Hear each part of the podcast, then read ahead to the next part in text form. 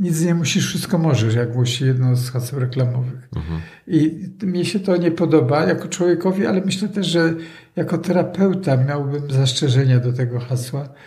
To nie przypadkiem słowo odpowiedź ma ten sam rodzaj co odpowiedzialność. Jest niedobór serotoniny na synapsie, to te, też jestem innym człowiekiem.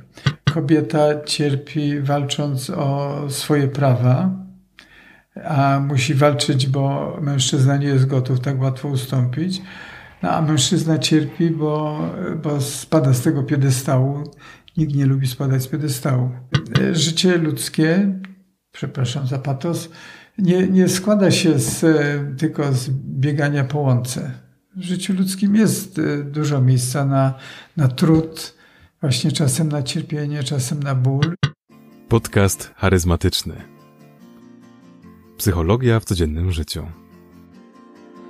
Prowadzi psycholog Dawid Straszak. Dzień dobry, dobry wieczór. E, moim i Państwa gościem jest Bogdan de Barbaro. Witam.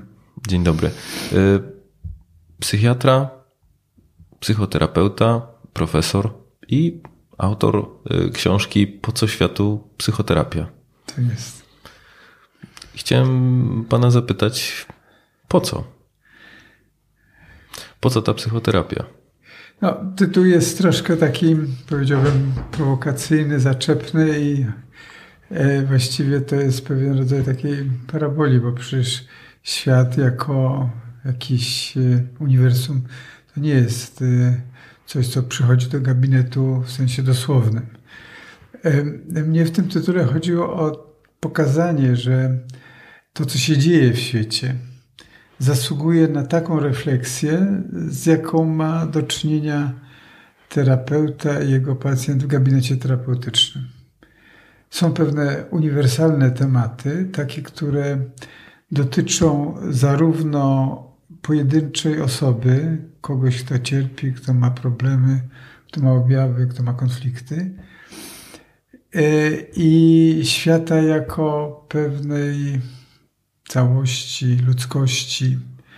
To mogą być na przykład takie problemy, jak e, kto jest, kim jest dla mnie inny, kto to jest inny. E, w gabinecie terapeutycznym to jest e, często oś dramatu małżeńskiego, konfliktu między ojcem a dzieckiem, a w świecie to jest często problem relacji międzynarodowych. To jest często problem ksenofobii. To jest e, często problem, jak reagować na kogoś, kto ma inny kolor skóry albo inny jest religii. Mhm. I w tym sensie ja wierzę, że psychoterapia, a może konkretnie psychoterapeuta w swojej pracy e, ma nieść pokój ma powodować, że ludzie, którzy są w konflikcie, którzy mają w sobie wrogość, mm, będą e, sobie z tym inaczej radzić i będą tej wrogości mieć coraz mniej. Chciałoby się, żeby tak było też między, między narodami, między społeczeństwami czy wewnątrz społeczeństw. Bo jak pan powiedział o tym innym, to wyobraziłem sobie właśnie o człowieku w dalekim dystansie, który na przykład jest za granicą kraju, ale też wspomniał pan o tym, że ta inność może być w sumie w tym samym domu, w którym mieszkamy.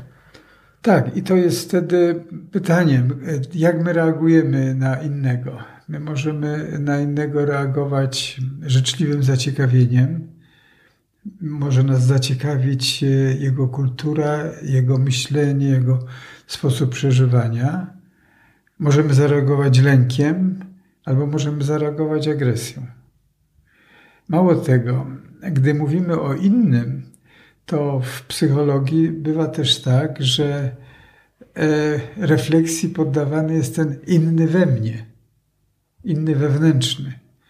My oczywiście wolimy o sobie myśleć, że jesteśmy spójni, jednoznaczni, e, nie budzący wewnętrznej wątpliwości, mhm. ale przecież w nas są wahania, w nas jest ambiwalencja. Pytanie, czy ten mój inny potrafi ze mną wewnętrznie rozmawiać, albo jeszcze lepiej, czy ja potrafię rozmawiać z tym wewnętrznym innym. Mówi Pan o też takim podziale ze względu na rolę, że trochę inny, inni jesteśmy w pracy, inni jesteśmy w domu? Czy... Tak można też na to spojrzeć. To będziemy mówić o polifonicznym ja i o tym, co mm, Hermans na przykład zwraca na to uwagę, że dobrze mieć e, dostęp do tych różnych, e, różnych ja i to nic nie jest złego. I w zasadzie to jest oczywiste, że ja będę inaczej się zachowywał, inaczej przeżywał, inaczej postrzegał świat, kiedy jestem przełożonym, a kiedy jestem podwładnym kiedy jestem ojcem, a kiedy jestem synem. I tak dalej, i tak dalej. I e, stąd e, e, w terapii bardzo często interesujemy się ową innością, a w świecie przecież my tej inności doznajemy, no niestety często inności doznajemy lękowo mhm. albo agresywnie. Ja myślę, jeśli tak można sobie pozwolić na takie ogólnienie, że, że świat cierpi od tego, że innego się albo boimy, albo mamy do niego gniew. Za to, że jest inny, albo przez to, że jest inny. No, ja często spotykam się z tym określeniem. Ja się boję zmian, ja nie lubię zmian, więc Aha. myślę, że ta obawa też tyczy się nas samych. To nie znaczy tak. tego, że coś w świecie miałoby się zmienić, ale też e, we mnie. Właśnie. Czy my, e, wersja optymistyczna, taka, która by mi się bardziej podobała, to jest taka, jak powiedziałam, że inny mnie wzbogaca. Ja się mogę czegoś od innego o innym dowiedzieć. Przecież nie jesteśmy idealni, przecież nie jesteśmy niezmienni. I z tego punktu widzenia ktoś drugi, nawet jeżeli jest na początku obcy, a nas zaciekawi i nie będziemy reagować wrogością, to coś nam pokaże nowego. Warto, warto się ciekawić można by też tak powiedzieć, że każdy jest inny. I y, powiedziałbym, przywilejem gabinetu terapeutycznego jest to, że y, pracujemy z kimś, kto jest inny. Jeżeli ta praca dzieje się w klimacie bezpieczeństwa i zaciekawienia, no to terapeuta także się wzbogaca tą wiedzą o tym, co to znaczy być człowiekiem tym konkretnym z tym problemem, jak mu pomóc, żeby miał y, mniej cierpienia w sobie. To jest praca fascynująca.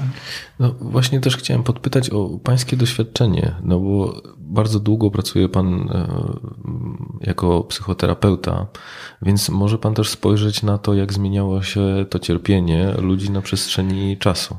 Z czym oni się borykali kiedyś, z czym borykają się teraz. I czy obserwuje Pan jakiś trend, w którą stronę ten świat zmierza, albo to cierpienie, z którym przychodzą do, do, do Pańskiego gabinetu ludzie? Z jednej strony chciałoby się myśleć o człowieku, że ma tak zwaną niezmienną naturę i że, że to, co się działo e, z uczniami Sokratesa, to dzisiaj się dzieje z uczniami e, jakichś szkół filozoficznych albo z obywatelami ale moc kultury jest wielka i to, co się dzieje poza gabinetem, to, co się dzieje w świecie, ogólnie rzecz biorąc, to, co się dzieje w kulturze, ma olbrzymi wpływ na to, co się dzieje e, z indywidualnym człowiekiem, z każdym z nas. Mhm. Więc te zmiany, które dzisiaj socjolodzy nazwaliby e, ponowoczesnością, e, mają olbrzymi wpływ. Na przykład przybywa indywidualizmu, przybywa gotowości i potrzeby rozwoju indywidualnego. To jest coś zacnego, chciałbym się powiedzieć, ale jednocześnie myślę, że e, przybywa tego, co czasami określamy jako e, narcyzm społeczny. Przybywa pewnej otwartości i to jest bardzo ładne chciałoby się, żebyśmy byli w dobrym kontakcie z własnymi uczuciami, z uczuciami innych, ale z drugiej strony przybywa tego rodzaju, e, powiedziałbym, otwartości, która już e, staje się nadmiarowa. Podam przykład. E, kiedyś, parę lat temu, taka, taki program telewizyjny Big Brother, mhm. I reklama tego y, programu na plakacie głosiła y, wejdź z butami w cudze życie. Więc y, i to w ten sposób zachęcano widza, mhm. żeby oglądnij, bo tam będziesz mógł dostrzec, co się dzieje intymnego z drugim. Więc mi się wydaje, że ten rodzaj, jakby to ktoś powiedział, wszystko na sprzedaż, łącznie z moim wnętrzem, to, to byłoby czymś, co, mnie, co by mnie niepokoiło, gdybym patrzył na to, co kultura robi z człowiekiem. Nie, nie ma pan wrażenia, że to po prostu dostosowanie narzędzia do tego, co zawsze nas ciekawiło? Może, może, ale e, pewien rodzaj wewnętrznej, nie wiem jak powiedzieć, skromności czy uważności na drugiego, to raczej zachęca do tego, żeby nie być nachalnym. A dzisiaj nic nie musisz, wszystko możesz, jak głosi jedno z haseł reklamowych. Mhm. I mi się to nie podoba jako człowiekowi, ale myślę też, że jako terapeuta miałbym zastrzeżenia do tego hasła. Przede wszystkim nie jest ono e, prawdziwe, nie znajduje ono dobrej realizacji w rzeczywistości. No, jeżeli nie żyje się w lesie, e, no to rzeczywiście ciężko jest o takie, tak. o to, że nic się nie musi. Tak, a z kolei, że wszystko mogę, też nawet w lesie się nie da. To taka trochę fałszywa obietnica, że, że, tak, że tak, wszystko taka można. pokusa, która daje taką iluzję omnipotencji. Mhm. No i to nie jest, no nie jest trafny pomysł. To trochę tak zabrzmiało, jakby, mm, jakby taka obawa, że ludziom, y, ludzie wpadają w taką pułapkę uwierzenia w to, że mhm. rzeczywiście wszystko mogą. Tak, no powstaje pewien rodzaj takiego narcyzmu. Jeżeli jeszcze będą jakieś sukcesy lub sukcesiki, no to człowiek się rozpędza wcześniej czy później z czymś się zderzy. Mhm. Nie wiem, czy to jest dobre. I co wtedy? No wtedy albo idzie do przyjaciół, Albo, albo do Pana. Albo pójdzie do terapeuty, tak. Mhm. I co wtedy, kiedy ludzie mm, rozbijają się o tą ścianę, e, że z jednej strony coś osiągnęli, mm, czują, że mm, mieli ochotę na więcej, że mhm. tak naprawdę wszystko mogą i wszystko zależy od nich. E, no i okazuje się, że rozbijają się o ścianę. Przychodzą do Pana i o co pytają, czego szukają? No, on, oni chcieliby, żeby nie mieć tego cierpienia, które jest związane z tym zderzeniem. No, a y, w gabinecie terapeutycznym y, nie będziemy dawać jakichś łatwych pocieszeń ani środków znieczulających, tylko będziemy się zastanawiali nad tym, jak to się stało, że może wybrał sobie cele nierealistyczne, a może to nie on wybrał, tylko jakieś w dzieciństwie nakazy y, i drogowskazy powstawały i on realizuje nie siebie, tylko e, marzenia swoich rodziców, e, co często jest przekazywane, nazwijmy to tak, między wierszami. Więc pracujemy nad tym, mm, jak, e, jak powstał ten pomysł na pytanie, jak żyć. To jest pytanie przecież kluczowe. To uśmiecha się pan do mhm. aluzji politycznych, a ja nie, uśmiecham się z tego względu, że przygotowując się do tego wywiadu, rozmawiałem z, znajomą, e, która też zajmuje się wywiadami. Tak, e, ona zadała mi takie pytanie. Gdybyś miał możliwość porozmawiania z człowiekiem, który ma dostęp do naprawdę wielu osób, to czego tak naprawdę chciałbyś się dowiedzieć? I to pierwsze pytanie, które przyszło mi do głowy, to aha. właśnie jak żyć. Stąd aha, ten uśmiech. Aha. Rozumiem. Czyli to jest pytanie, które jest nośne. No, y, y, więc to pytanie, y, jak żyć, jest pytaniem takim, może nawet rdzeniem poszukiwań ludzkich, osobistych. I teraz, gdzie człowiek znajdzie te odpowiedzi? On będzie ich szukał, prawdopodobnie będzie je miał zasiane w dzieciństwie przez swoich rodziców potem jego osobiste doświadczenia i te rozwojowe, i te traumatyczne, e, potem e, rozmowy z ludźmi, e, potem czytanie ważnych książek, potem może spotkanie duszpasterza, potem może jakaś miłość. No, jednym słowem, na to nie ma takiej odpowiedzi jednorazowej raz na zawsze. Raczej tej odpowiedzi szuka się do końca życia, a jak dobrze pójdzie, to jest takie moje przekonanie, e, to właściwie to pytanie e, da się przełożyć na innego rodzaju sytuacje, że konkretne e, wydarzenia albo konkretne dni, albo konkretne spotkania pytają mnie, co ja na to, coś się wydarzyło w świecie. Mhm. Wczoraj, przedwczoraj, dzisiaj. Co ja z tym robię?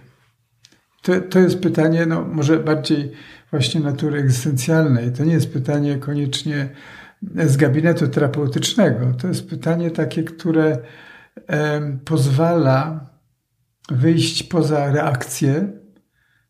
Denerwuje mnie, co się stało, albo e, boli mnie, co się stało, albo boję się tego, co się stało. E, czyli jest moja reakcja emocjonalna. No a jak dobrze pójdzie, to potem pojawia się refleksja, co ja na to, na to, co się dzieje. To, to może być to, co się dzieje w mojej rodzinie, to, co się dzieje w moim kraju, to, co się dzieje e, w skali globalnej. Moje pytanie to jest pytanie właśnie o to, co ja na to, czyli jak ja będę żył, jak ja będę reagował. Czyli też taka trochę uważność na to, co się, co się we mnie dzieje, dlaczego, dlaczego ta reakcja mogła nastąpić właśnie w ten, a nie inny sposób. Tak, to jest właśnie to, żebym zrozumiał swoją reakcję, czy ona będzie na przykład lękowa, czy agresywna, czy ona będzie twórcza, czy ona będzie regresywna. No a potem, jak już jest ta refleksja, to co ja, jaka będzie moja odpowiedź? To nie przypadkiem słowo odpowiedź ma ten sam rodzaj co odpowiedzialność. Czyli na ile jestem odpowiedzialny za swoje życie. Moja odpowiedzialność to jest głównie odpowiedzialność na, na to, jakie e, będzie moje zachowanie, czy jaka be, będzie moja odpowiedź na to, co się dzieje. Czyli poniekąd jakby ta odpowiedzialność była, była wynikiem związanym z, z tą refleksją. Jeżeli ona nie następuje, to trochę bierzemy tą odpowiedzialność e, na ślepo. Albo jesteśmy tylko reaktywni. Tylko będzie bodziec, reakcja. A chciałoby się, żeby był bodziec, musi być. Reakcja musi być, ale potem jak dobrze pójdzie, to jest refleksja i chciałoby się, żeby moja akcja, czyli odpowiedź konkretna, była ufundowana na refleksji, a nie tylko na reakcji. Mhm. W kontekście psychoterapii ja często spotykam się z takim, z takim określeniem osób, które, które właśnie skończyły swoją, mhm. są po procesie i mówią, cały świat każdy obowiązkowo powinien przejść przez swoją psychoterapię. Mhm. Jakby to było takim lekiem na całe zło. Mhm. I jak pan do tego podchodzi? Ja myślę, że nie każdy musi powiedzieć. Już nie mówiąc o tym, że nie ma tylu psychoterapeutów. Ale pan użył określenia, e, jak ktoś jest po procesie. To to słowo wymaga e, refleksji. Mhm. Bo słowo proces, no jednym się będzie ko kojarzyć z salą sądową, a drugim, na szczęście, ja też się domyślam, że to pan miał na myśli, drugim będzie się kojarzyć z takim ciągiem wydarzeń wewnętrznych. Czyli to chodzi o pewien proces zmian w człowieku, i ten proces zmian w tym człowieku dzieje się mocą dialogu z terapeutą. On będzie na przykład dzięki temu dialogowi, czy dzięki tym kolejnym spotkaniom terapeutycznym, on będzie lepiej rozumiał siebie. On będzie miał więcej, nazwijmy to tak kurnolotnie, więcej wolnej woli nie będzie właśnie tylko reaktywny, tylko będzie mógł decydować, co dalej. I w tym sensie rzeczywiście wierzę, że psychoterapia jest takim e, czynnikiem e, budującym czy, czy wzmacniającym rozwój. Ale do psychoterapii głównie ludzie przychodzą nie tylko, albo nie tyle dlatego, że zależy im na tym, żeby się pięknie rozwijać, mhm. tylko przychodzą, bo cierpią, bo na przykład mają objawy e, psychosomatyczne, albo mają lęki, albo mają konflikt w rodzinie i, i potrzebują zaiste pomocy, bo cierpią. A e, wersja pod tytułem Chcę się rozwijać, więc pójdę do psychoterapeuty, mm, to by znaczyło trochę poddawanie się modzie. Tym niemniej rzeczywiście jak jest psychoterapia udana, to ten, kto z niej korzysta, to no nie, to już jest autologia, no, korzysta. Mhm. To co powinno być takiego dla nas sygnałem, że psychoterapia to być może będzie to, czego poszukujemy. Wspomniał Pan o, o tym cierpieniu i ono się pojawiło Mhm. kilka razy w trakcie naszej rozmowy, ale co powinno być tym wskaźnikiem? I zaraz będę chciał zadać takie drugie pytanie, albo już je zadam, dotyczące tego, skąd wiadomo, kogo my szukamy, bo kiedyś spotkałem się ze, stwierdz- ze stwierdzeniem, że mm, często człowiek, który przychodzi do, do gabinetu psychoterapeutycznego, często nie tyle szuka tej ulgi w cierpieniu, albo nie w takim, którego mogłaby dostarczyć psychologia, ale też jakby takiego pasterza duchowego albo filozofa, kogoś, kto pomoże zrozumieć, e, zrozumieć, o co w tym życiu właściwie chodzi. No, e, rzeczywiście takie e, role są e, sąsiednie. To znaczy być psychoterapeutą, być duszpasterzem czy być filozofem. Czasami te obszary się przenikają, a, a w każdym razie stykają. Więc em, filozof odpowiada na, chciałem powiedzieć, odpowiada na pytania, ale właściwie filozof szuka pytań. Więc będzie się zastanawiał o tym, czym jest byt, albo e, jakie poznanie jest możliwe, albo co jest dobre, a co złe. No i w tym sensie zbliża się do duszpasterza w tym wymiarze etycznym, bo duszpasterz też będzie podpowiadał, e, co jest dobre, a co złe. Psychoterapeuta właściwie e, chciałby się powiedzieć, stroni od e, takiego duszpasterstwa czy filozofowania, ale ja myślę, że gdzieś tam pod spodem ten wątek pod tytułem Co dla ciebie byłoby dobre istnieje w procesie psychoterapeutycznym. E, Nie jest rzeczą e, psychoterapeuty, nawet nie wolno mu narzucać systemu etycznego. Nie, nie może się zamieniać psychoterapeuta w duszpasterza, ale na przykład, kiedy e, okazuje się w czasie rozmowy psychoterapeutycznej, że w rodzinie ma miejsce przemoc, to w tym momencie terapeuta mm, zawiesza terapeutyzowanie, tylko mówi, to jest przemoc, to jest czyn karalny. Mało tego, w tej chwili jest takie prawo, które mówi, że jeżeli psychoterapeuta e, posiądzie wiedzę pewną, że y, w danej rodzinie ma dochodzić, czy dochodziło do czynów pedofilnych, to ma obowiązek o tym donieść, łamiąc zasadę e, poufności gabinetu terapeutycznego. Więc w tym sensie e, tutaj jeszcze dochodzi wtedy rola e, no, kogoś, kto dba o to, żeby nie było przestępstw. I, i w, chciałoby się, żeby te role psychoterapeuty, duszpasterza, filozofa, żeby to były role sztywno oddzielone. I nieraz psychoterapeuta mówi, a z tym to proszę iść do księdza. E, bo ja nie będę ani dawał tak? rozgrzeszenia. Proszę? Mówi pan tak?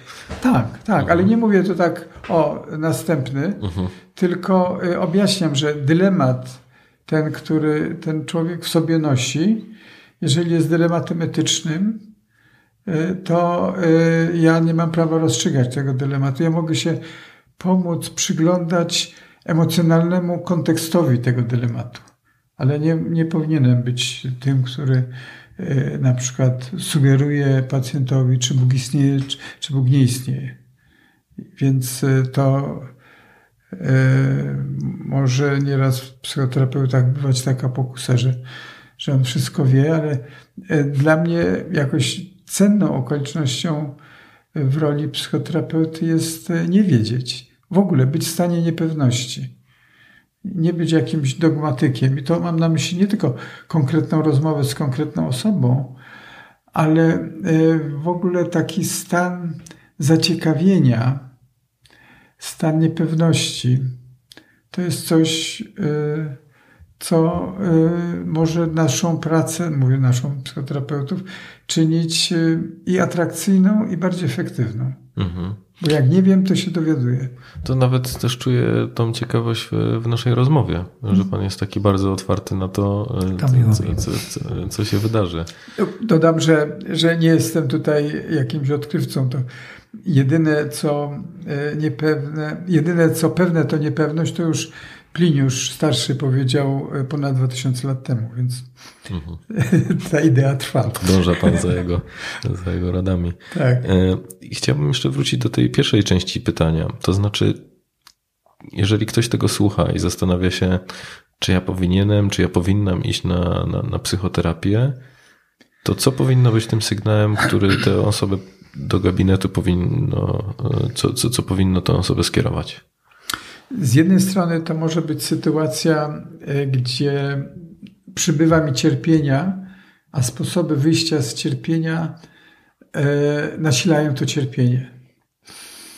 E, to może być, no troszkę na tej sytuacji się tutaj, jak kierowca jest kołami w piasku i dodaje gazu. Mhm. I to bywa w życiu, że ja nie mogę się dogadać z kimś bliskim, więc tak się denerwuję, że e, to zdenerwowanie e, wchodzi w dialog z tym kimś, to przestaje być dialog, staje się kłótnią i nie potrafi inaczej. I ta druga osoba też nie potrafi inaczej. I to wtedy warto iść do terapeuty, który zajmie się terapią pary. Ale mogą być to sytuacje takie, jak to nazywamy popularnie zespół lękowy. Odczuwam stany lęku czy paniki, nie, nie znam powodu. To nie jest jakiś konkretny strach, no, że ktoś się obawia, że y, katastrofa klimatyczna będzie za 10, a nie za 20 lat. To z tym do terapeuty nie pójdzie, tylko powinien pójść do jakiejś grupy ekologów, żeby działać przeciwstawiając się temu. Natomiast sytuacje takich jak lęków, jak je będziemy nazywać irracjonalnych, to są sytuacje, kiedy e, warto szukać pomocy. Czasami e, ten pomysł psychoterapii może pójść od kogoś drugiego, od przyjaciela, który mówi: Słuchaj, wygląda na to, że jesteś bezradny ze swoim cierpieniem.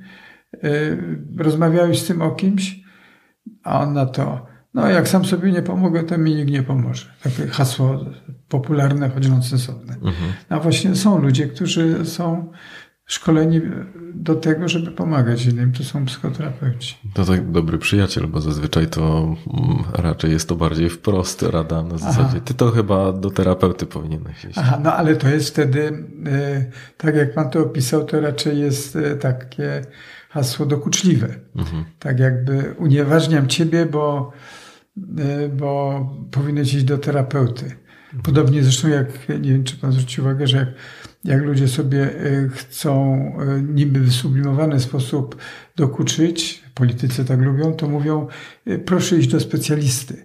Przy czym wiadomo, że to nie chodzi o kardiologa, prawda, tylko o psychiatrę. Mhm. Czyli to jest sposób na unieważnianie jesteś e, taki, albo tak masz w głowie, że ktoś inny ci tego powinien naprawić. Ja też czuję w, tym, w tej radzie taki to, trochę delegowanie odpowiedzialności za twój problem, że ja nie chcę się z nim zmierzyć ani pomóc tobie, tylko... Albo nie umiem, albo nie potrafię. Tak. Mhm. Więc jeżeli, jeżeli przyjąć wersję taką życzliwą, to to jest podpowiedź, ja jestem bezradny, chcę ci pomóc, ale nie wiem jak tyle, co potrafię ci pomóc, to podpowiedzieć, żebyś poszedł po pomoc do kogoś, kto będzie wiedział jak. Mhm. Obniżony nastrój, zaburzenia mhm. depresyjne.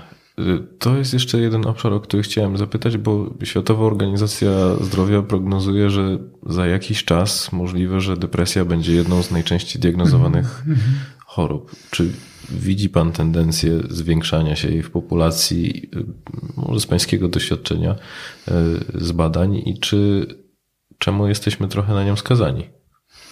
Rzeczywiście tak się dzieje, że przy, przybywa nam smutku. Ten smutek może być e, z bezradności, ten smutek może być z tego, że mamy w sobie takie e, nakazy. Na przykład mówiliśmy przed chwilą o tym, jak człowiek ma wpisane e, w swoje motto życiowe biegnij szybciej, wyżej, lepiej, no a to się nie zawsze udaje, albo człowiek po drodze na tę górę wspinając się zacznie się pocić i, i się smuci z tego powodu, czyli ten rat race może być niebezpieczny. E, mogą być sytuacje e, konfliktowe, mogą być sytuacje, kiedy ktoś bliski mm, cierpi i mnie się to cierpienie udziela. Kultura nasza, tak jak wspomnieliśmy przed chwilą, też nie, nie daje komfortu. E, No a jednocześnie, i to jest e, okoliczność dodatkowa, jednocześnie jest tak, że jednak ta droga do psychoterapeuty, a nawet droga do psychiatry już nie jest tak e, skomplikowana w sensie psychicznym. Mhm. Już jest, to nie jest już taki wstyd do psychoterapeuty się zgłosić. Nawet niektórzy uważają, że to jest taki szpan. Do psychiatry tak jeszcze nie jest, ale, ale, ale też już jest ta droga e, gładsza. E, więc zgłoszenie się po pomoc może być tutaj korzystne. A rozumiem Pana pytanie też, kiedy smutek, a kiedy to jest depresja. Mhm. Kiedy, no, kiedy to powinno być już dla nas niepokojące na tyle, że no, ten stan się utrzymuje tak. zbyt długo. Tak, najprościej rzecz biorąc, to będzie sytuacja, kiedy ten smutek się pogłębia, kiedy życiowo stajemy się bezradni, kiedy e, no, już nie mówiąc o takich sytuacjach, kiedy mamy myśli o odebraniu sobie życia, albo że nam się nie tylko żyć dzisiaj nie chce, ale za chwilę zjemy śniadanie, już jest wszystko dobrze. Tylko kiedy to jest rzeczywiście coś, co nas osłabia psychicznie, e, kiedy nam ktoś z zewnątrz właśnie powie, słuchaj, coś z tobą jest, tak się dzieje, że powinieneś sięgnąć po pomoc. I wtedy najlepiej, żeby sobie e, zadysponować choćby jednorazową konsultację i sprawdzić wówczas w rozmowie z tym, e, nazwijmy to diagnostą wówczas jeszcze, mhm. E, czy to e, wymaga na przykład leku, czy to wymaga rozmowy. No, na pewno nie takiej rozmowy, która w swojej konkluzji ma proszę się wziąć w garść, bo to jest jedno z tych haseł, które... Krótki przerywnik. Jeżeli szukasz szkolenia dla swojej firmy, to mogę pomóc. Po pierwsze, zespołom, ucząc ich skuteczniejszej komunikacji i współpracy oraz jak zadbać o swój dobrostan psychiczny. Po drugie, liderom, ucząc ich w jaki sposób współpracować z osobami, które doświadczają problemów natury psychicznej, które są w ich zespołach oraz jak prowadzić trudne rozmowy. Jeżeli to jest coś, co Cię interesuje, napisz do mnie na LinkedIn albo poprzez e-mail kontakt małpa dawidstraszak.pl. Dzięki i wracamy do podcastu. Nie mają specjalnie sensu no, od terapeuty nie. raczej się tego nie usłyszy. Od terapeuty nie, właśnie to, to jest takie... Lekarskie zalecenie. tak, te, wie pan, ja też jestem lekarzem, ale, ale tym takim, który nie, nie wie do końca, czy to lekarz, czy nie lekarz. W każdym razie inni nie mają pewności. No ale wracając do, do pytania o depresję, no, trzeba też tak powiedzieć, że dzisiaj medycyna dysponuje skutecznymi y, lekami lekarstwami, które y, potrafią, i to są coraz lepsze te leki, coraz lepiej działają, coraz szybciej działają, coraz mniej dają objawów ubocznych, więc y, bez popadania w skrajność, że na wszystko jest prozak, warto pamiętać o takiej możliwości. Mhm. Jeszcze takie, nazwałbym to techniczne pytanie. Spotkałem się z różnymi stwierdzeniami. Niektórzy mówią, że depresję da się wyleczyć po prostu lekami, to resetuje układ nerwowy i psychoterapia nie jest potrzebna. Z drugiej strony spotkałem się ze stwierdzeniem, że y, nie przyjmuję klientów, którzy są w trakcie leczenia y, farmakologicznego w kontekście y, w celu depresji, bo wtedy psychoterapia nie jest na tyle skuteczna, bo to cierpienie nie jest na tyle głębokie, żeby móc się nim zająć. Jak pan do tego podchodzi? Bo myślę, że ma pan tą unikalną zdolność bycia zarówno psychiatrą, jak i psychoterapeutą.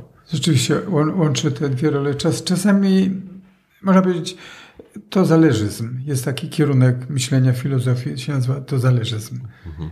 Psychologii też bardzo popularny. Tak? Więc ja bym powiedział tak, że inaczej jest sytuacja, kiedy depresja jest e, e, lekka, tak zwana. To znaczy taka, gdzie problem e, rozmową, pogłębieniem rozumienia siebie może być zobaczony i terapeuta pomaga wyjść z tego problemu. Rzeczywiście czasami to jest kilka spotkań. Inaczej, kiedy to jest depresja ciężka i wtedy farmakoterapia, twierdzę, jest niezbędna, ale to nie może być farmakoterapia w takim sensie, że proszę brać jedną, a po, po tygodniu dwie tabletki rano do zobaczenia za miesiąc. Tutaj powinien być też e, czas na to, żeby zorientować się co do przyczyn tego stanu. Czy to jest e, ktoś, kto właśnie przeżył śmierć bliskiej osoby? Czy to jest ktoś, kto boi się czegoś konkretnego, jest tak bezradny, że zamyka się w sobie i przeżywa stan głębokiego smutku? E, jednym słowem, e, obok farmakoterapii potrzebna jest taka rozmowa, która pomoże, nazwijmy to, skontekstualizować to, co się dzieje. W jakim kontekście i dlaczego stało się to, co się stało z jego nastrojem. Więc ja rzeczywiście mam taką możliwość, że, że jestem, że mogę być, że mogę być i farmakoterapeutą, i psychoterapeutą dla jednej osoby, ale bywa tak, że ja jestem tylko psychoterapeutą, a e, farmakoterapią zajmuje się inna osoba, albo odwrotnie, mhm. że jestem tylko psychoterapeutą. W obie strony to działa. Po to, żeby e, te ścieżki e, nie, nie mieszały się. Czyli. Wszakże ja wolę, wolę łączyć te dwie, te dwie perspektywy, zwłaszcza, że, że o tej farmakoterapii e, warto rozmawiać, że lek nie staje się panem, nie staje się właścicielem tego człowieka, tylko lek jest służącym. Mhm. Lek ma się przydać, a nie mam się oddać pod opiekę temu lekowi i wszystko od, leka, od lekarstwa będzie zależeć. Też mam wrażenie, że ludzie często obawiają się tego, że leki mnie zmienią, że będę innym człowiekiem. Mhm. To jest taka obawa.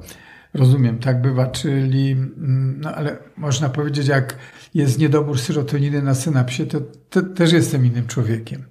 Więc y, y, zadaniem lekarstwa jest przywrócić stan normalny, czyli taki naturalny, można mhm. powiedzieć. Jeszcze pytanie, czy ci ludzie pamiętają, co to znaczy być normalnym? Czy tak długo nie są w tym obniżonym nastroju? No, jeśli tak jest, to tym bardziej trzeba, jeżeli to trwa, to jest ten następny parametr, który pomaga różnicować, czy to smutek, czy depresja.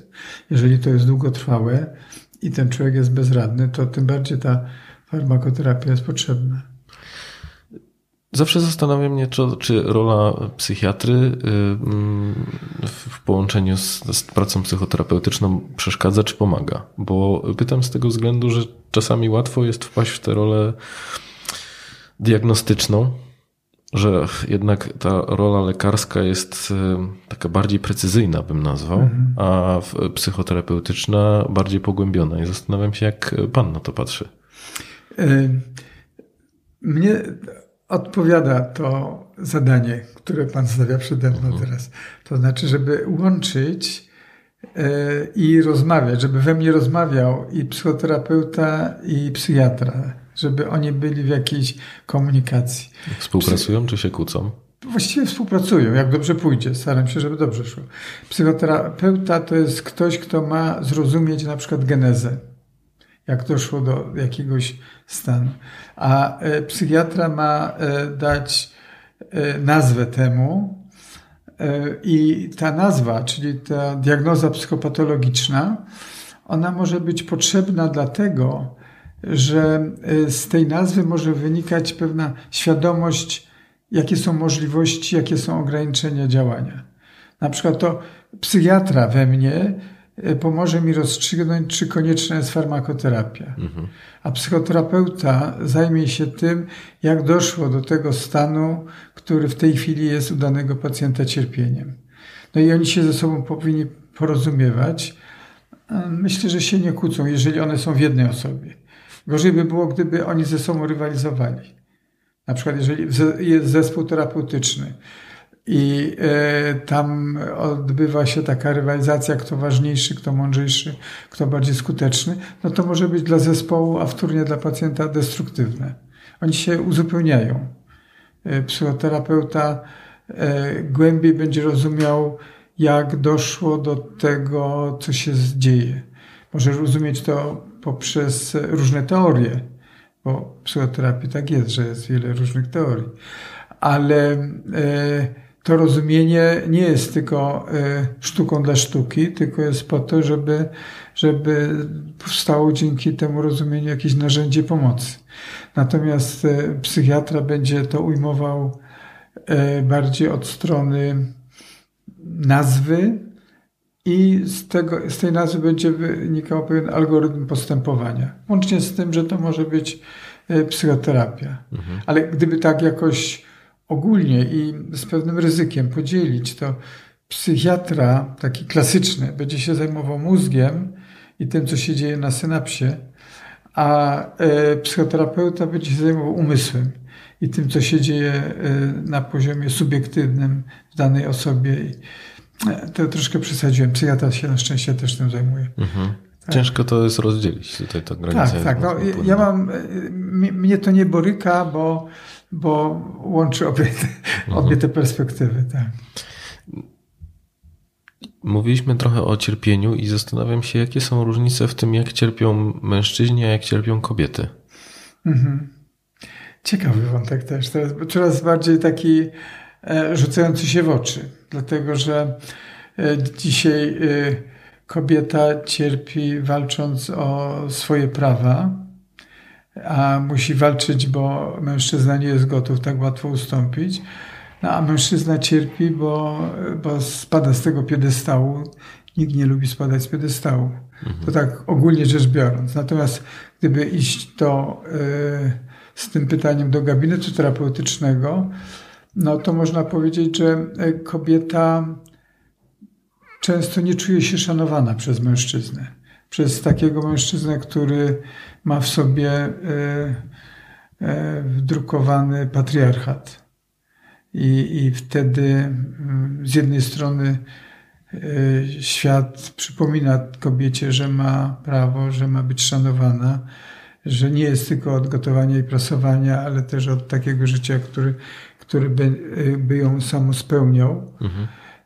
A mężczyzna ma z kolei ten kłopot, no po pierwsze z tym patriarchatem, że mijają te czasy, chociaż ciągle nie minęły, ale daj Boże miną ale ma też ten kłopot, który będzie związany mm, trochę ze wzorcem kulturowym, a trochę z, z jego biologią. Znaczy na przykład jemu jest y, trudno, y, trudno wyrażać swoje emocje. My, mężczyźni, mamy taki rodzaj wdruku, że powinniśmy być silni, stanowczy, e, zadaniowi, sprawni i wszystko nas to wkłada w taką zbroję, która utrudnia na przykład wzruszenie, która utrudnia czułość, która utrudnia taki rodzaj delikatnych emocji. Ja mówię o pewnym schemacie, o pewnym mhm. wzorcu, ale on nieraz wchodzi w człowieka i, i tworzy kłopoty. Jakby mężczyźni nie mogli przeżywać?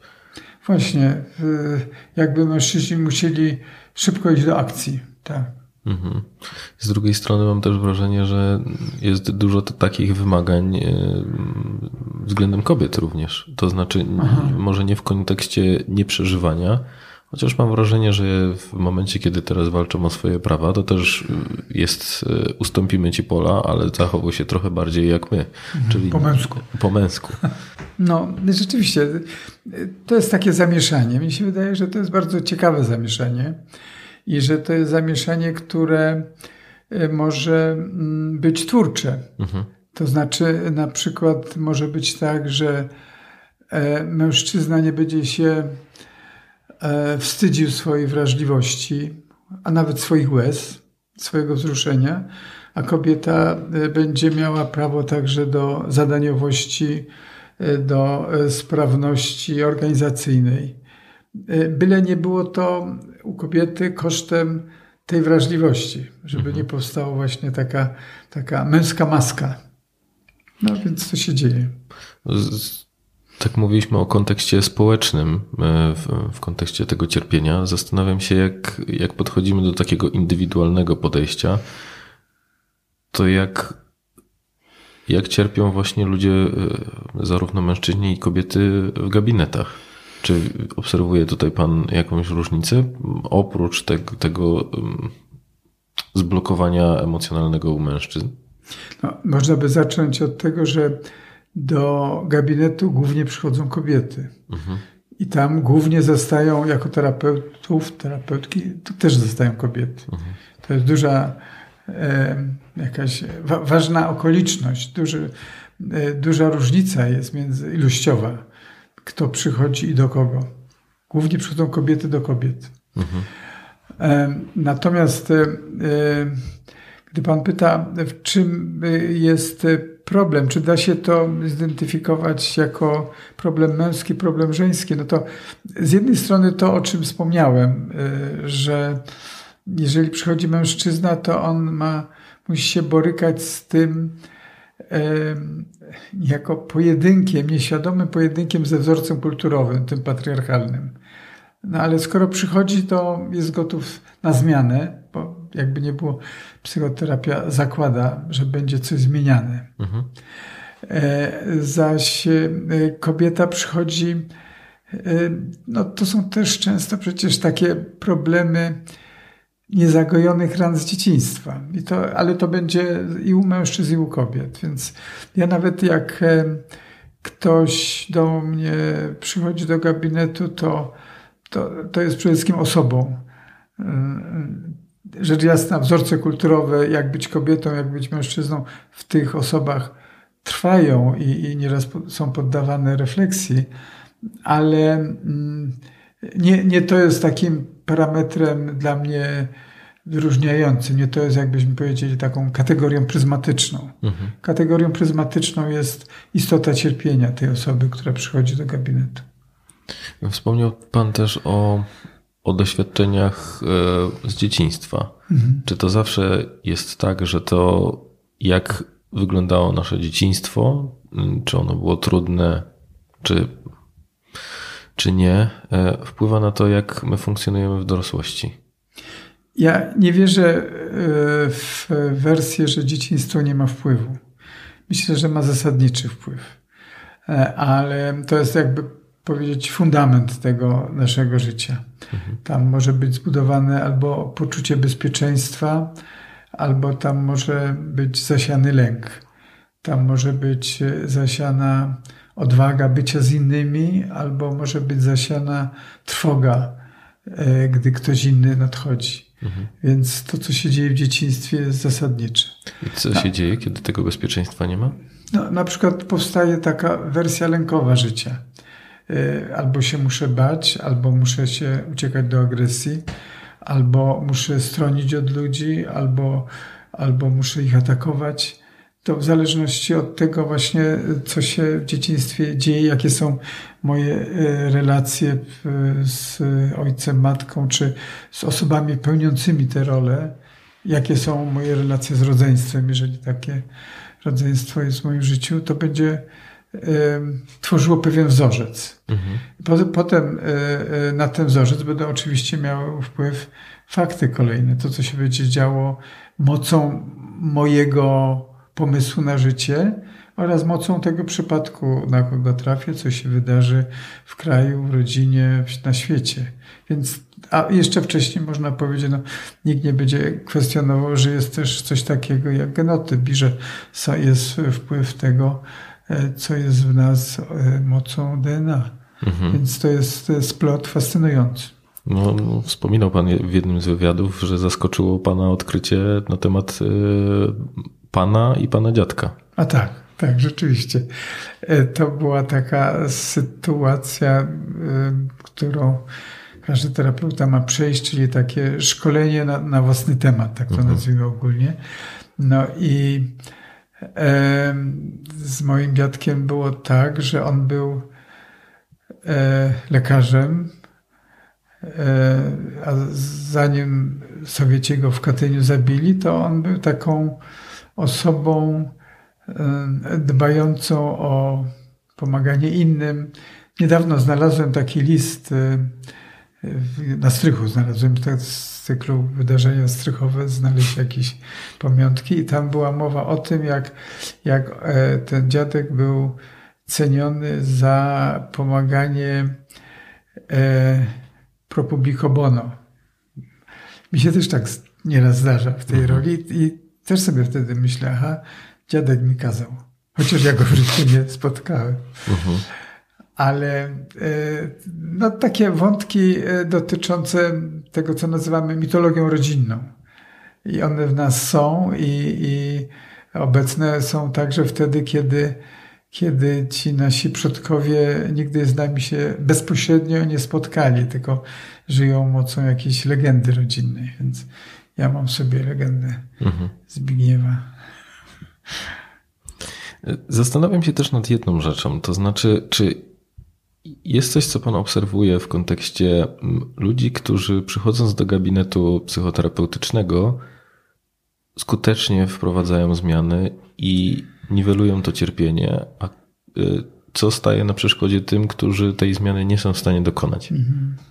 Rzeczywiście tak, tak bywa i to jest taki ciężar, który terapeuta w sobie nosi. Świadomość, że, że jest bezradny. E, Najprościej było powiedzieć, że e, widocznie to cierpienie jest tak głębokie, e, że teraz myślę o jednej osobie, której taka sytuacja ma miejsce, m, że No właśnie nawet zobaczyłem ten ciężar Tak. tego w Panu. Tak. I to jest coś, co, co jest jakoś kosztem tego zawodu. Jest e, radością, kiedy niesiemy pomoc, a jest ciężarem, kiedy, kiedy jest się bezradnym. E, Na pytanie, dlaczego tak się dzieje, oczywiście może też być problem e, po stronie terapeuty. Czy coś nie, nie jest takiego w terapeucie, że on nie umie pomóc? E, To, co nazywamy przeciwprzeniesieniem, czyli jakieś jego emocjonalne uwikłania. Ale od tego jest superwizja, żeby to sprawdzać. A z drugiej strony to może być właśnie takie cierpienie y, u pacjenta, że on się boi bliskości terapeutycznej, nazwijmy to. Y, Z jakichś powodów, głównie nawiążę do tego, co przed chwilą y, powiedziałem, głównie lęk przed bliskością wzięty z rodziny wczesnego dzieciństwa, on może sprawiać, że ten pacjent czy ta pacjentka będzie się obawiać tego rozmówcy. Z jednej strony jest zdeterminowana e, sięgać po pomoc, bo, bo cierpi, a z drugiej strony trudno być jej, tej osobie otwartą na dialog terapeutyczny. Więc y, Czyli tutaj zaufanie jest tym kluczowym Tak. czynnikiem? tak, tylko że e, trudno kogoś e, obwiniać o to, że nie ma zaufania, bo, bo właśnie ten, ta trudność e, w ufaniu jest tym powodem cierpienia, a zarazem e, tym, e, co uniemożliwia korzystanie z pomocy. Mhm. Więc tutaj jest to, to co można by tak powiedzieć, no, że ten ktoś obcina sobie gałąź, na której siedzi, ale nie robi tego dlatego, że nie chce pomocy, ani nie robi tego dlatego, że tak figluje, ani nie robi tego na złość terapeucie, tylko że tak się boi e, zaufać. Może tak być na przykład. Oglądałem film Wieloryb. Y, Nie wiem, czy miał Pan okazję, ale w, tam pada takie Ale stwierdzenie, słyszałem o tym filmie. y, że nikomu tak naprawdę, nikogo tak naprawdę nie da się uratować. W, no, w takim rozumieniu, rozszerzając ten kontekst, że mm, żeby móc kogoś uratować, to trzeba złapać tę pomocną dłoń. I że często o to rozbijają się osoby w zawodach pomocowych, że ta osoba tego złapania ręki nie chce, że nie da się trochę pomóc na siłę. Aha, no tak, na siłę nie, bo, bo jak będę domagał się, e, zaufaj, że mi w końcu, no to jeszcze bardziej, jeszcze bardziej ten ktoś pierzchnie. E, Więc, no i na tym polega czasami ta e, wstępna część terapii, że mam być e, taki, że w końcu e, ktoś zobaczy, że nie jestem przeciwko niej. Mhm.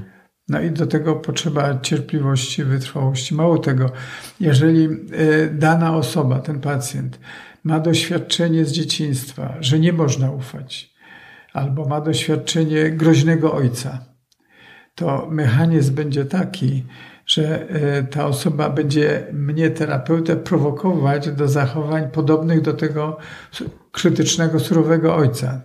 Będzie taka próba odtworzenia tamtej relacji. No i jeżeli ja nie będę świadom, że to jest właśnie ta próba nieświadomego odtworzenia, wejdę w to i zacznę się zachowywać jak ten ojciec, surowy, odrzucający, no to ta osoba będzie miała najlepszy dowód, no właśnie, tacy są ludzie. Tak świat wygląda. Tak, tak.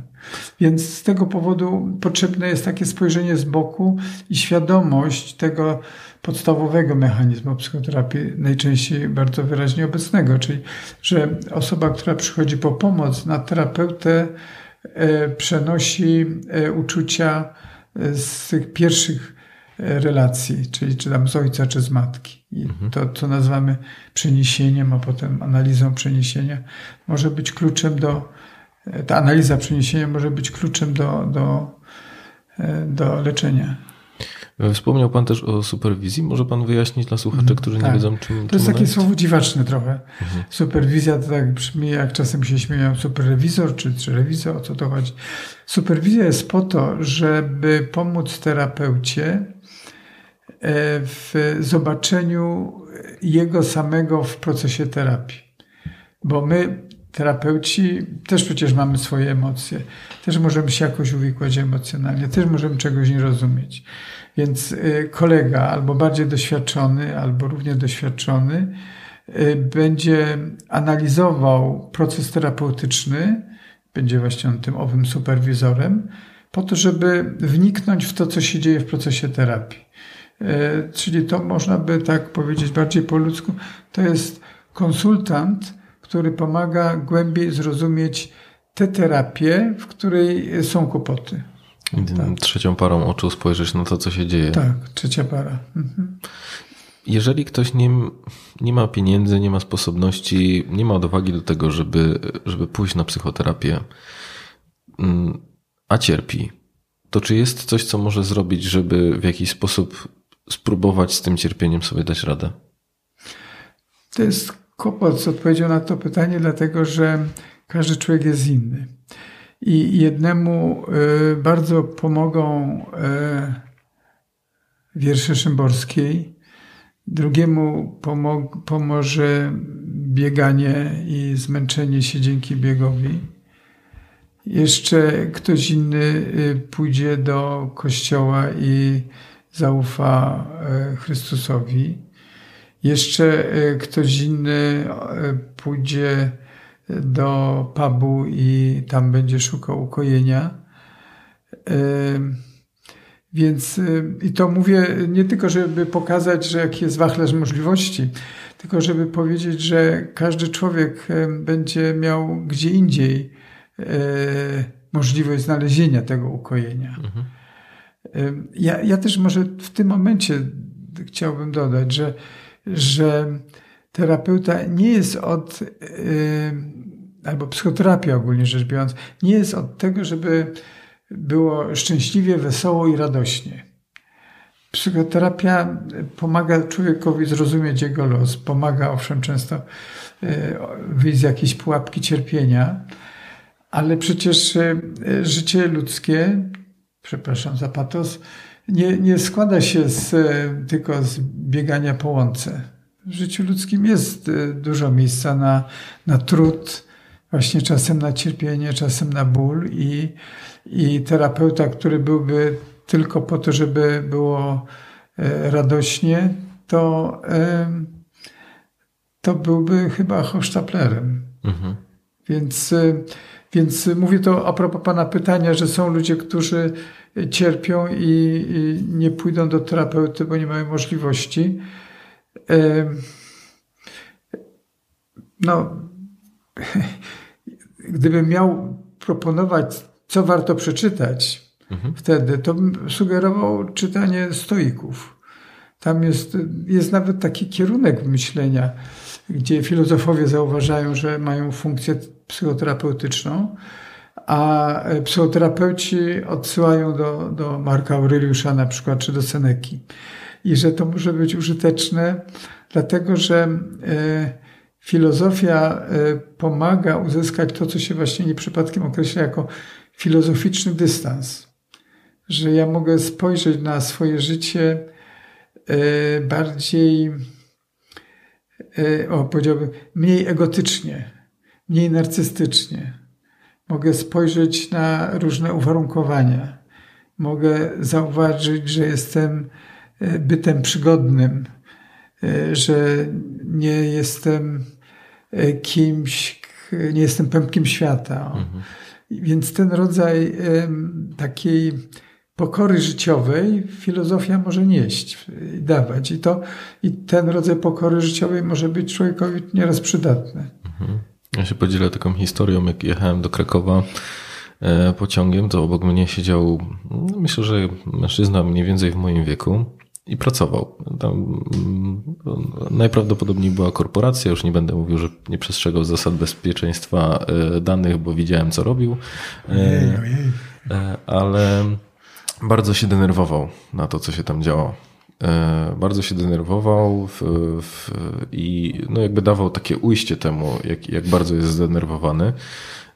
Więc ja trochę denerwowałem się z nim i pomyślałem sobie, że chciałbym mu powiedzieć, że nie ma się co stresować. Ja też byłem w tym miejscu, byłem tak bardzo zaangażowany jak on w tę pracę i że tutaj mm, chciałoby się powiedzieć więcej luzu. E, I pomyślałem też o tym, że to też dało mi ulgę w innych, y, w innych aspektach swojego życia, bo pomyślałem sobie, że z jednej strony trochę rozumiem, że on musi to przeżyć, żeby też mm, pewne rzeczy, mm, o, że, mm, żeby inaczej spojrzeć na swoje życie. I to dało mi też bardzo dużą perspektywę do tego miejsca, w którym ja jestem. To znaczy, że to, co teraz dla mnie jest ciężkie i mm, wy, wygląda jako nie do przejścia, z perspektywy kogoś, kto jest na przykład kilka, kilkanaście lat starszy, może być takim spojrzeniem, że też byłem w tym miejscu. Rozumiem Twój ból, jakby nie chcę go deprecjonować, ale z drugiej strony to nie jest aż tak, nie jest warte tak, tak wielkiego stresu. Więc też w taki sposób ja rozumiem to, to, to, to stoickie odniesienie. Tak. Y, y, Z jednym zastrzeżeniem, że ja bałbym się mówić, y, rozumiem Twój ból, Mhm, dlatego że ból każdego jest inny. E, On może być podobny, ale zgadzam się z Panem, że ta e, historia pokazuje, jak e, tak zwane doświadczenie życiowe e, może przydawać człowiekowi pewnego rodzaju spokoju. Bo to może być na przykład to doświadczenie, o którym wspominaliśmy na początku, że człowiek się zderza ze ścianą, no to już wie, gdzie ściana jest. Albo nawet już się nauczył metod rekonwalescencji i radzenia sobie z siniakami po zdarzeniu.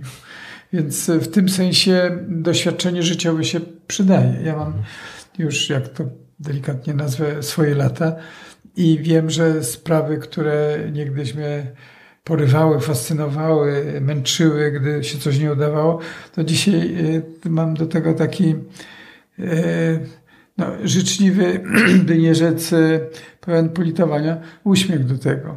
To znaczy, to jest to, co właśnie jedna z nielicznych korzyści z y, dużego PESEL-u, to jest to, że, że można y, się w pewne sprawy już tak nie angażować, tak nie emocjonować nimi, tak jakby one były zupełnie e, karkołomne, a tymczasem kark na starym miejscu trwa. Dziękuję panie profesorze za tą rozmowę. Dziękuję też. Miło mi.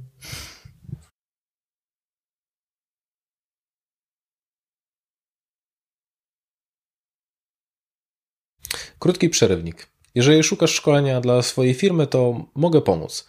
Po pierwsze, zespołom, ucząc ich skuteczniejszej komunikacji i współpracy oraz jak zadbać o swój dobrostan psychiczny. Po drugie, liderom, ucząc ich w jaki sposób współpracować z osobami, które doświadczają problemów natury psychicznej, które są w ich zespołach oraz jak prowadzić trudne rozmowy. Jeżeli to jest coś, co Cię interesuje, napisz do mnie na LinkedIn albo poprzez e-mail kontakt małpa dawidstraszak.pl. Dzięki i wracamy do podcastu. Słuchasz podcastu charyzmatyczny.